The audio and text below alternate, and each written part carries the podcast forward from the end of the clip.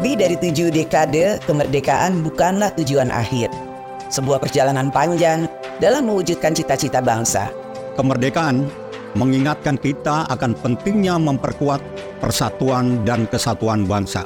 DPR RI berkomitmen untuk terus melangkah maju, mendorong pertumbuhan ekonomi yang inklusif, memperkuat demokrasi, dan menjaga keutuhan NKRI.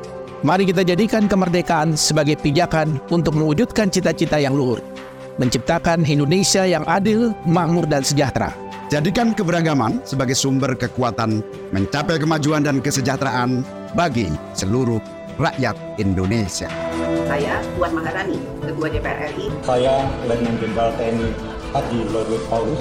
Saya Susmi Dasko Ahmad, Wakil Ketua DPR Koordinator Bidang Ekonomi dan Keuangan. Saya Rahmat Gobel, Wakil Ketua DPR Koordinator Bidang Industri dan Pembangunan. Saya Muhaimin Iskandar. Terus melaju untuk Indonesia maju.